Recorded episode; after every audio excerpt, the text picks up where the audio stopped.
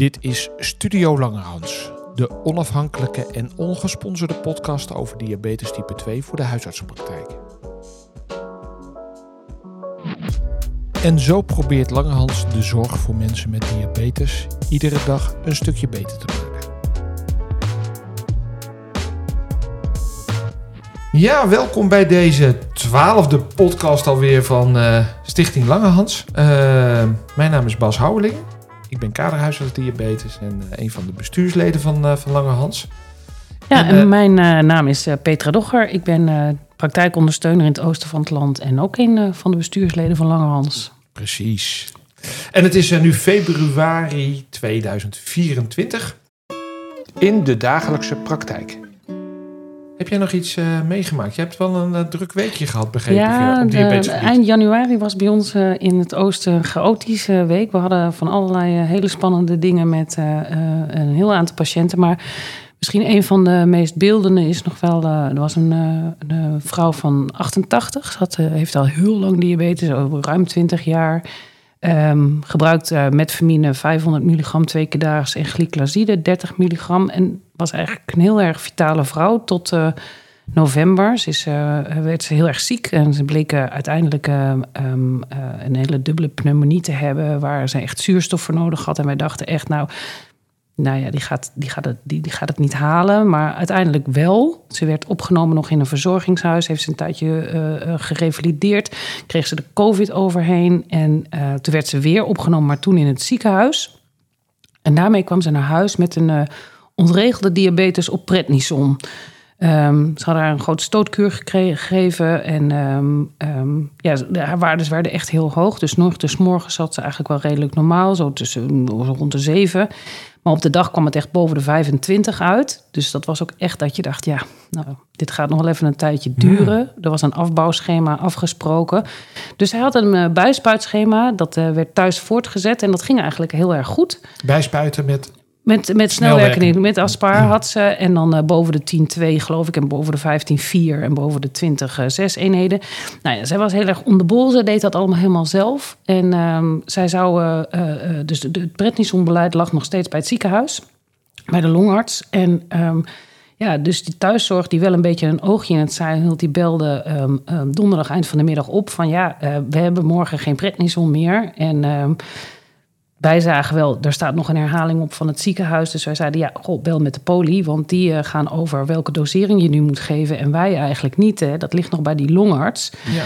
Dus die hebben de poli gebeld. En in de brief, hebben wij achteraf ook gezien... stond ook inderdaad um, uh, vrijdag 26 januari... Uh, stop de prednison, tot, stop de 30. En er stond half vaag en dan nieuw beleid afspreken op de poli. Maar zij had pas maandags een afspraak... Dus zij hebben vrijdag, zaterdag, zondag geen prednison gegeven. Want de poli oh, zei, ja, nee hoor, dat moet je stoppen. Dus ze kwam maandag. Uh, dus, en zij bleven netjes de dagcurves uh, meten. Ja, dat ging natuurlijk helemaal mis. Want zij zat eerst nog uh, nuchter, zeg maar 7, 8, soms 9. En toen zat ze op zaterdag en zondag zat ze op 3,4 nuchter natuurlijk zonder prednison. En op de dag waren die waarden ook ineens een stuk lager. Want die prednison die was er natuurlijk uit.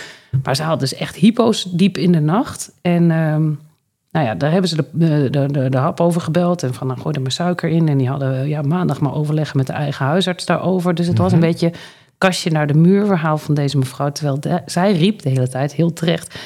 Ja, maar ik moest dat toch afbouwen? Je moet daar toch niet zomaar mee stoppen? Volgens mij heeft de dokter gezegd afbouwen. Ze is helemaal gelijk in. ja, dat moet je nooit stoppen als je dat langer dan tien dagen gebruikt. Nee. En ze had het al een week of twee, volgens mij op de 30. En ze had in het ziekenhuis gewoon hele dosi hoge doseringen ook gehad. En ze was gewoon super ziek. Ja, en uiteindelijk hebben ze maandag dat weer bij de longarts zei... ja, dat had helemaal niet gestopt moeten worden natuurlijk. En uh, nou ja, ja. ik hoop dan dat ze hun eigen verhaal ook even gaan halen op hun eigen poli. Want daar is de foute instructie uiteindelijk gegeven. En toen zag je weer dat die suiker weer direct eigenlijk uit de bocht vloog op de dag. En uh, nuchter was die uh, wel krapper dan voorheen. Dus ik heb uiteindelijk zelf die glyclaside gestopt. En ze heeft nu een, een NPH in de ochtend erbij. Ja, en dat werkt volgens mij prima. Ja, dus, dus toen zij stopte met die prednison, mm -hmm. ging die nuchter naar beneden. Enorm. Enorm, ja. En spoot ze toen eh, nog bij ook? Nee. Nee, dat niet. Nee, want toen zakten die waardes op de dag ook net op een redelijk eh, niveau, zeg maar. Bleef het net onder de 15 hangen. Mhm. En, eh, maar, maar hij zat nuchter echt eh 3,4, 3,5. Ja. En dan gaven ze er weer ranja's morgens vroeg. Ja, weet je, die prednison is natuurlijk altijd heel ingewikkeld. Eh, als je dat langdurig gebruikt, dan krijg je dus een onderdrukking van je hormoonsysteem, waardoor je minder cortisol in de nacht aanmaakt. Ja. En als je dan te veel bijvoorbeeld glycoside of Mhm. insuline in je bloed hebt, dan kan die nuchter dus gaan dalen. Ja. En eh, dus wat je hebt goed, nou, dat heb je goed gedaan. Hè? Dus eh NPH-insuline geven. Ja, en de glycoside er maar afgehaald. Ik bedoel, Ja. kan dat dan, als het dan oploopt, kunnen we er altijd een beetje mee schuiven. Maar dan hebben we in ieder geval die hypo's er helemaal uit. En die waren eigenlijk van het moment dat zij die prednison begon, eigenlijk ook alweer zo'n beetje over. Mhm. Dat, eh, dat, dat, eh, dat dat toch weer wat gecorrigeerd werd. Dus ja, maar echt zo snel, zo hard zakken, hè? Ja. Nou ja, eh, als je dat eh, als luisteraar nog leuk vindt om dat even terug te luisteren. In podcast 3 hebben we een eh, forumvraag ook over dat prednison en insuline en, en, en, en. Hoe, je dat, hoe je dat het beste kan aanvliegen. Maar je bent er dus maar druk mee als praktijkondersteuner. Want je wordt dus ingezet als een soort hulptroep tussen de ziekenhuis en Ja. het verzorgingshuis. En, Ja, het was natuurlijk sowieso echt een slecht geregeld verhaal. Want ze is naar huis gekomen zonder meter. Of ik een meter had liggen. Nou, die hebben wij niet meer liggen. Want die strips vergaan altijd enzovoort enzovoort. Dus ze moest mijn eigen meter hebben om dan wat te hebben. Tot ik de volgende dag wat voor haar kon regelen. Sowieso, gewoon, het was gewoon een slecht geregelde casus aan alle kanten eigenlijk.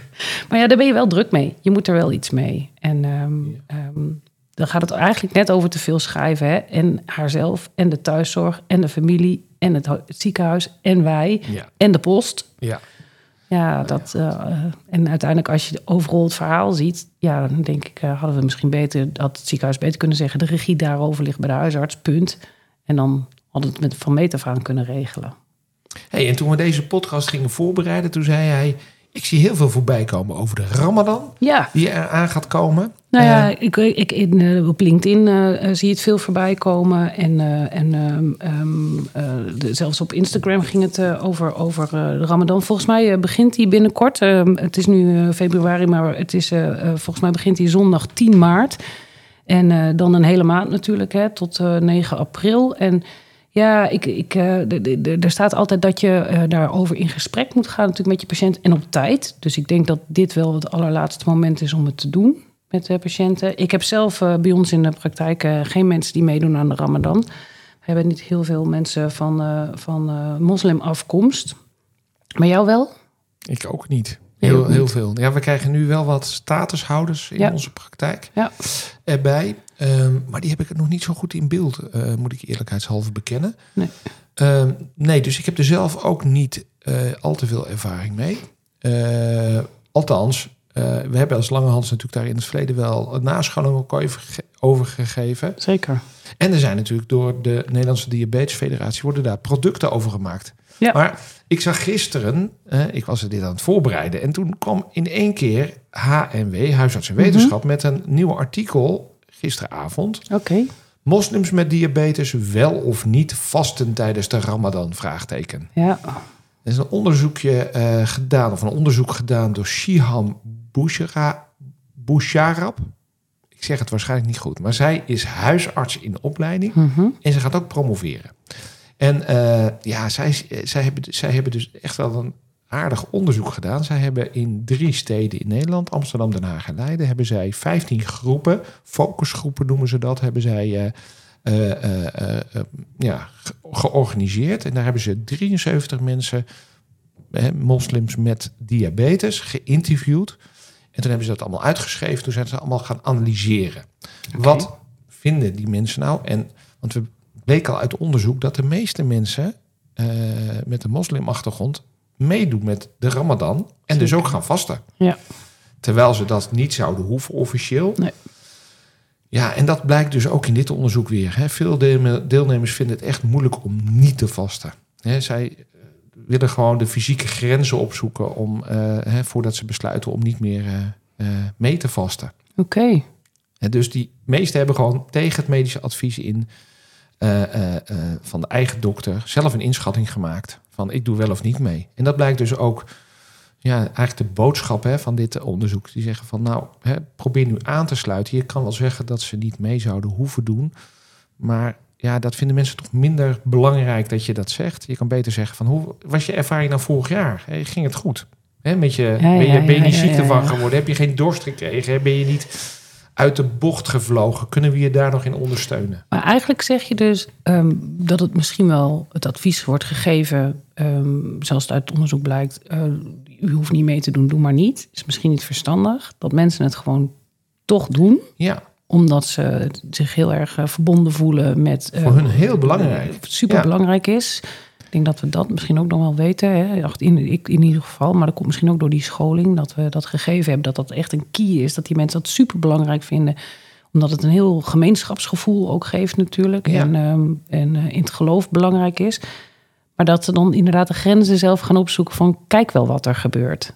Ja, en blijkbaar gaat het dus ook vaak goed. Ja. Uh, of, of, dat, nou ja, of wordt er goed geanticipeerd? Ja. En waar, want ja, waar, waar, gaat het nou mis? Hè? Mensen gaan natuurlijk niet eten. En als ze dan glucoseverlagende middelen gebruiken, zoals SU-derivaten en insuline, mm -hmm. ja, dan kan het natuurlijk wel misgaan. Dan kan je hypo's krijgen. Zeker. Uh, dus die moet je een beetje aanpassen. Uh, en die SGLT2-remmers misschien ook aanpassen. Nou ja, uh, ik, ik, haal nog even één citaat, want er stonden wat citaten in dat, uh, in dat onderzoek. En dan zegt hier een citaat van een 69-jarige man van Marokkaanse afkomst.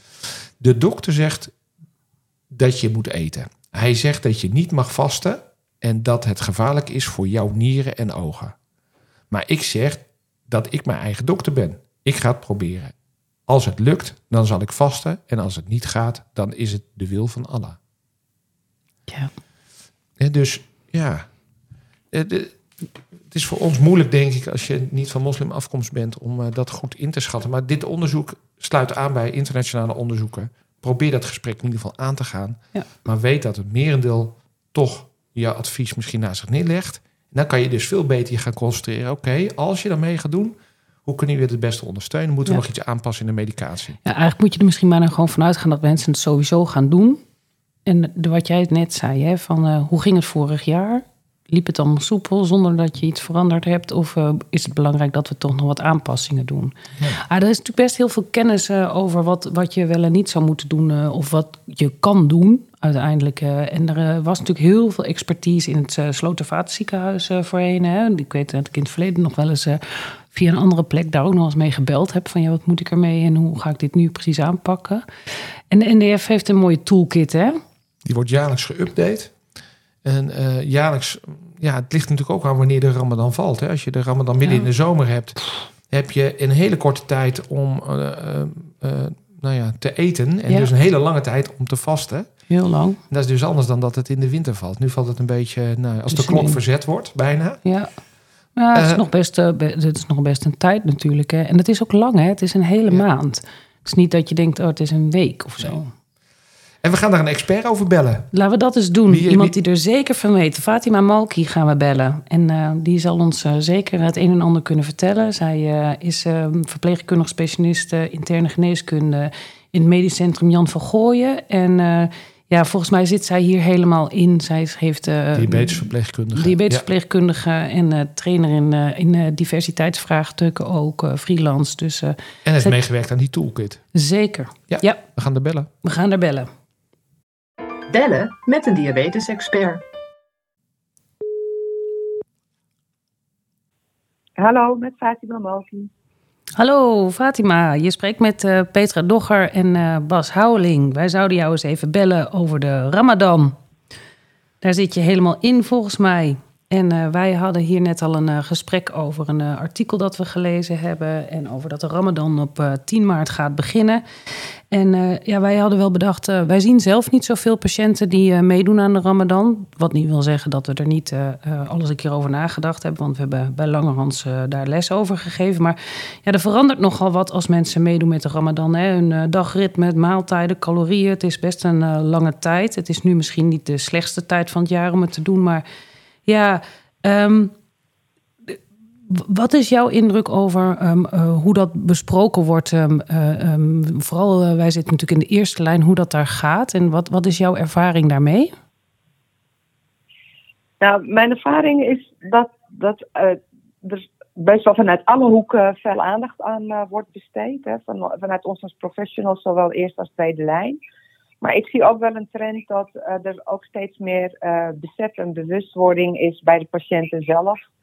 Ehm, dat wanneer je als patiënt advies krijgt van de behandelaar om niet mee te doen, dat mensen eigenlijk uh, afgelopen jaren daar steeds uh, vaker zich bij uh, neerleggen.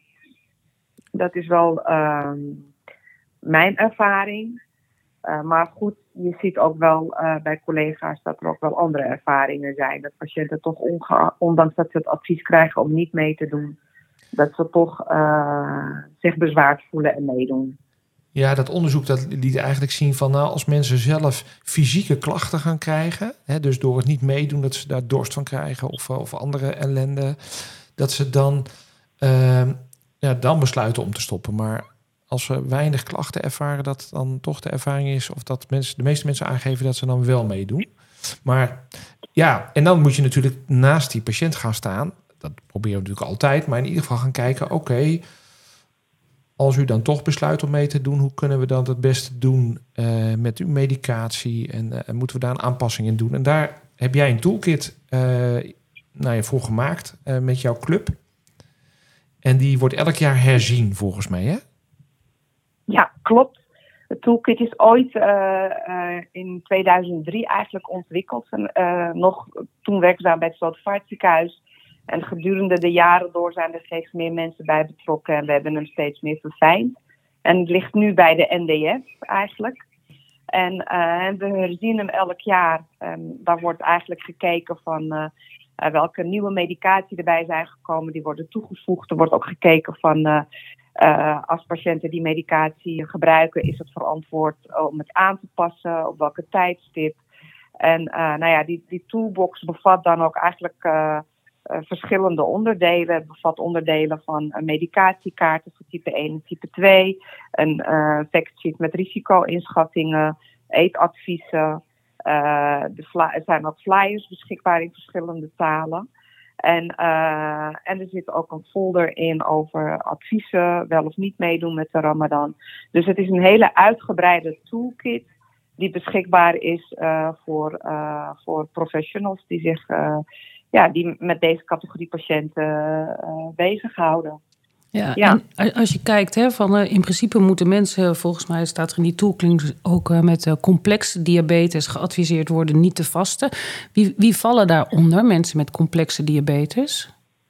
Ja, ja complex is natuurlijk een, een breed begrip, maar je moet hier dan eigenlijk denken aan patiënten die al complicaties hebben. En hiervoor onder behandeling zijn. Uh, denk hierbij bijvoorbeeld aan mensen die uh, bijvoorbeeld uh, hartinfarcten of herseninfarcten hebben doorgemaakt. patiënten die bijvoorbeeld recent een amputatie hebben ondergaan. ja, daar is het gewoon wel heel duidelijk dat ze. waarbij dat de instelling gewoon goed en stabiel moet zijn om het herstelproces ook, met name bij die amputaties, en uh, om de kans uh, te verkleinen dat mensen bijvoorbeeld een, een, een, nog een infarct krijgen, is het ook heel belangrijk dat ze hun medicatie gewoon op de juiste momenten innemen en, uh, en een stabiele instelling hebben. En daarnaast hebben we ook nog natuurlijk patiënten waarbij sprake is van hypo-unawareness ja, dat, dat is gewoon ook een, een, een, complexe situatie waarbij je toch het advies geeft uh, om uh, niet te vasten. En die vallen dan eigenlijk ook onder die complexe uh, diabetes. Oké. Ja. En, en maakt het dan nog verschil wat voor soort medicatie patiënten gebruiken? Is het iedereen die insuline gebruikt, wordt in principe geadviseerd niet mee te doen? Of zeg je nou, daar, dat is ook niet helemaal waar? Daar, daar zit allemaal ook weer gradaties in? Ja, nee, absoluut inderdaad. We hebben genoeg uh, type 2 diabetes met uh, die insuline gebruiken en heel stabiel zijn en geen complicaties hebben of dat er sprake is van een dreigende complicatie. En ja, die hebben ook al eerder ervaring met het vasten. Daarbij is het goed mogelijk om, om gewoon de medicatie aan te passen en goed te begeleiden tijdens en na de Ramadan. Uh, en daarbij is het goed mogelijk om te vasten, inderdaad. En als ik, als ik nou gewoon een, een, een relatief eenvoudige uh, uh, patiënt heb, dus die gebruikt een beetje metformine en een beetje glyclazide, ja, dan zou ik eigenlijk als ik dit zo allemaal lees, ook in dat onderzoek, niet zo snel adviseren om niet mee te doen, maar misschien wel even naar jullie kaart kijken. Om te kijken of ik die glycoside misschien moet aanpassen. Die metformine zal niet zo spannend zijn. En dan, dan ben je redelijk snel klaar dan. Want ik denk zo'n toolkit ook van, oh jee, dat kost bij heel veel tijd als huisarts. Uh, maar die medicatiekaart is super handig. Zeker, maar het is altijd maatwerk. Hè. Je moet het ook echt per patiënt individu uh, bekijken. En dan uh, heb je de medicatie aangepast, dan ben je nog niet klaar. Want dat vraagt toch nog wel wat begeleiding. Uh, tijdens de Ramadan om te kijken van nou, hè, wat doet het? Heeft patiënt toch nog klachten? Moet ik toch nog iets hè, aanpassen? Moet ik, het, uh, moet ik het toch ophogen of moet ik het uh, halveren? dus het, het, vraagt toch nog wel, wel wat extra begeleiding, zeg maar. Maar je ziet als je de patiënt goed instrueert, is mijn ervaring dat patiënten, als er problemen zijn, de praktijk weten te vinden. En als het goed gaat, hoor je ook niks van ze. Maar ik adviseer wel altijd om in ieder geval wel nader om dan nog wel even contact op te nemen. Uh, om te kijken hoe het gaat en de medicatie weer aanpassen. Kijk, bij patiënten die insuline gebruiken, heb je toch ook wel tijdens de Ramadan wel nog eventjes uh, contact. Ja, precies. En, en patiënten met uh, bijvoorbeeld inderdaad dan die metformine en glyclazide, daar geef je dan maatwerkadviezen. Zou je dan de, de POA en de huisarts adviseren om in ieder geval nog in het begin een keertje contact op te nemen vanuit hun initiatief? Of zeg je dat kun je gerust bij die patiënt laten? Uh, het, het, hangt ervan af wat voor soort patiënt het is. Kijk, er zijn patiënten die uh, zelf aan de bel uh, trekken. Die inschatting moeten wij maken van is dit nou echt een patiënt die nog even aan de bel trekt als er iets is. Maar als mhm. we inschatten dat je denkt van nou, dit is een patiënt die blijft gewoon doorlopen al is er iets. Dan zou ik wel toch wel even een belafspraak inplannen. Als het gaat om een patiënt die alleen maar tabletten, wat je net ook al zei, uh, gebruikt. En als het gaat om een patiënt die insuline gebruikt, plan ik altijd wel rondom de vierde dag nog even een belafspraak in om te kijken hoe het gaat. Hey, en die, uh, die nieuwe geneesmiddelen die nu op de markt zijn en die ook in de eerste lijn veel gebruikt worden, die SGLT2-remmers en die GLP-1-receptoragonisten, zijn dat nou dingen die uh, nog extra aandacht behoeven? Hebben die een verandering nodig in de Ramadan als mensen wel meedoen? Nou, kijk, wat uh, de, de GLP-1's betreft, um, uh, die hebben we natuurlijk al een paar jaar op de markt. Maar daar zien we eigenlijk niet zo heel veel problemen mee. En de aanpassing is eigenlijk alleen verplaatsen, eventueel naar de avond. Of, ehm, dat maakt op zich eigenlijk niet uit, tenzij de patiënt het zelf prettig vindt. maar die SGLT2-remmers vragen wel wat aandacht. Want daar adviseren we dan van om toch wel bij het verbreken van het vaste in te nemen. Dus bij zonsondergang en dan ook goed te blijven drinken. Ja. Dus dat vraagt wel wat, uh, wat aandacht. En dat is misschien zomers nog wel een groter issue dan, uh, dan, dan als het wat meer uh, in de wintertijd valt. Want dan is de periode niet drinken natuurlijk best echt heel lang. Ja, absoluut. Dat is zeker, ja, dat is zeker zo. Ja. Nou, wat supergoed dat jullie dit al, allemaal doen. Dus elk jaar gewoon op, op, opnieuw naar de toolkit kijken. En die kun je vinden op uh, de Nederlandse Diabetes Federatie site. Dus als je in Google Ramadan NDF intypt, dan kom je vanzelf bij, uh, bij jullie toolkit. Ik wil jou uh, heel, heel hartelijk bedanken voor, jou, voor jouw bijdrage. Misschien heb je nog een allerlaatste belangrijke tip voor huisartsenpraktijken. Nou, wat ik echt heel belangrijk vind, is wat er uh, ook, uh, wat net ook al gezegd van, probeer ook naast die patiënt te gaan staan. En met name die patiënten waarbij het niet mogelijk is om te vasten, is om te beseffen dat het eigenlijk ook een, stuk, een stukje uh, rouw is. Er komen heel veel emoties. Het is een stuk rouw om afscheid te nemen van een bepaald ritueel, waar je eigenlijk je hele leven lang aan mee hebt gedaan. En op een gegeven moment vanwege gezondheidsredenen niet meer aan mee kan doen. En dat is ook een stuk verwerking. En ik denk dat dat heel belangrijk is om bij uh, stil te staan en daar de patiënten in te ondersteunen. En daar bewust van te zijn en uh, begrip voor te tonen en daarbij betrokken te zijn. Dus ik denk dat dat gewoon een heel belangrijk uh, punt is om mee te nemen. Ja, ik, ik denk dat dit echt een hele goede tip is en waar wij ook allemaal direct iets mee, mee kunnen in de praktijk.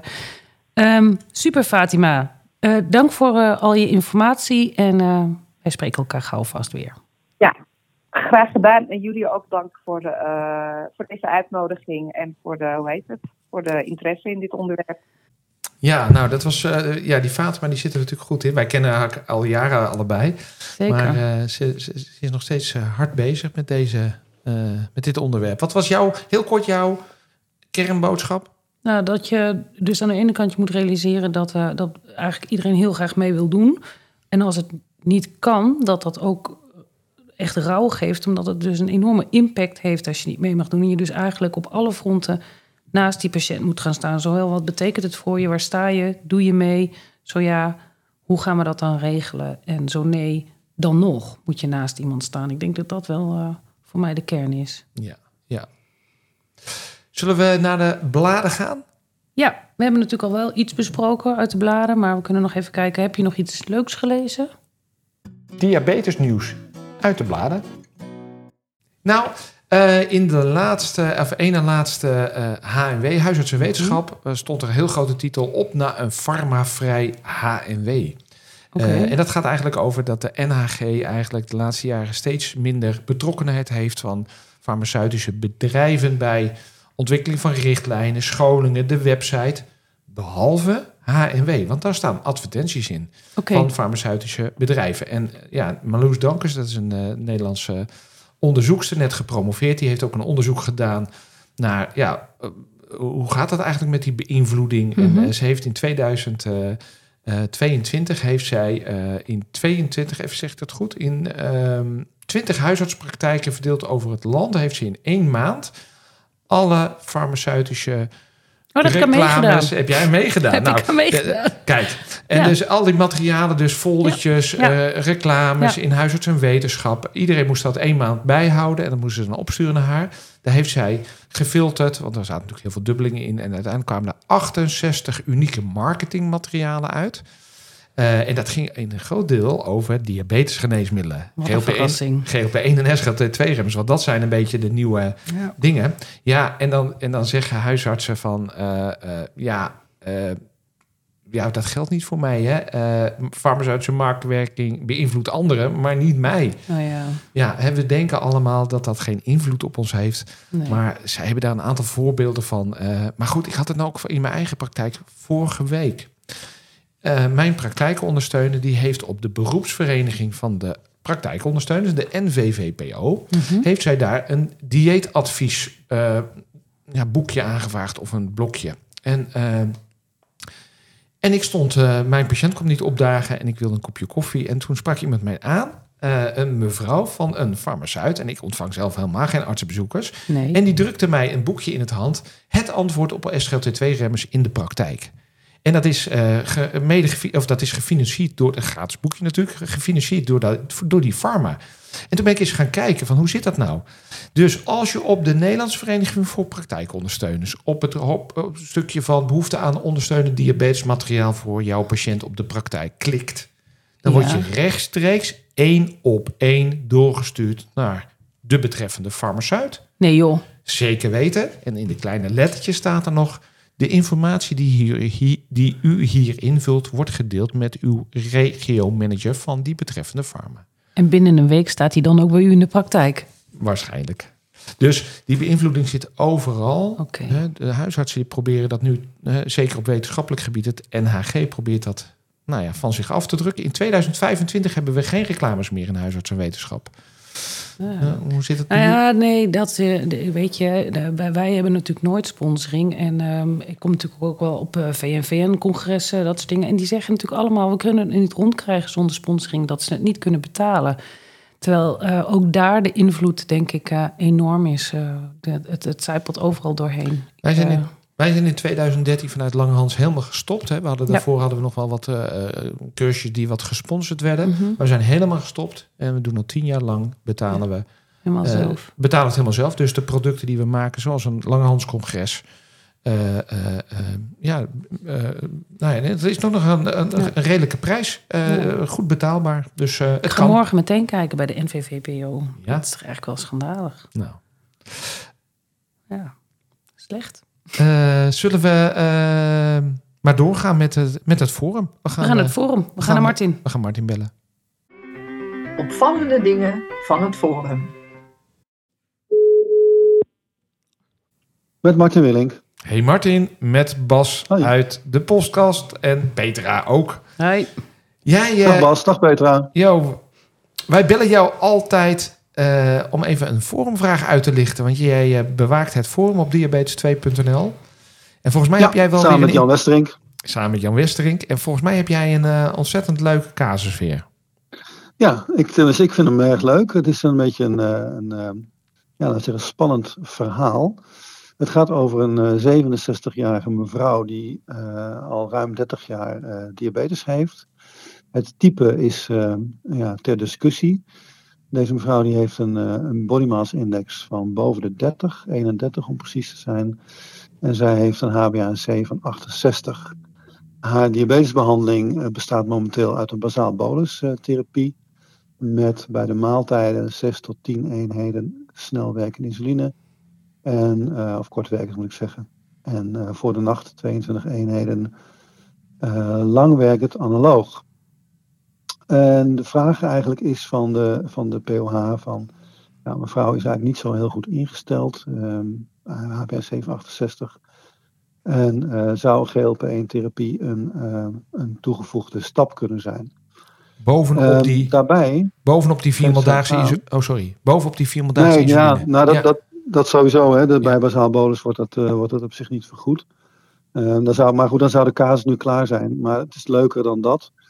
Ehm, mevrouw eh, is ook een keer geanalyseerd van zou, zou zij geen LADA kunnen hebben. Omdat zij relatief bij die BMI toch niet zo heel veel insuline nodig heeft. Hè. Dus zes eenheden bij de maaltijd. Ehm, en in totaal kom je op zo'n ruim 40 eenheden per dag. Ja, dat valt voor iemand met een forse insulineresistentie eigenlijk wel mee. Dus eigenlijk gekeken vanuit de POH, dat was wel slim, eh, of zij misschien antistoffen zou hebben tegen GRD. Hmm.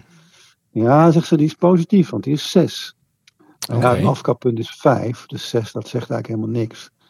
Eh, dus op basis daarvan kom je niet verder. Maar ze heeft ook een C-peptide bepaald, en die was niet meetbaar.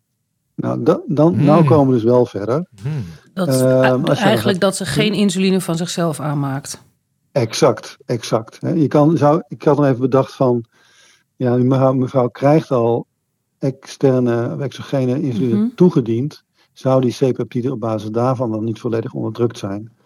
Nou, ik heb natuurlijk even geïnformeerd bij eh, diverse internisten. Die zeggen, nee, je maakt altijd wel wat eigen C-peptide aan. Dus die onderdrukking kan nooit zodanig zijn dat je een onmeetbare C-peptide hebt. Dit is echt Behalve, al, destructie beta-cel. precies, behalve als je geen beta-cellen meer hebt. Want dan ligt die plat. Precies. En, de- Ja. En, En, dan, die dat is eigenlijk gek, hè? Dan heb je dus geen, geen beta-cellen. En je Mhm. hebt, dan denk je, oh, dit is een, dit is een type 1 slash LADA. Maar dan moet je toch antistoffen vinden. Maar Ja. ja. die mevrouw heeft dus al 30 jaar diabetes. Ja. Dus 30 jaar. Vanaf de vorm van type 37ste. 1. Precies, precies.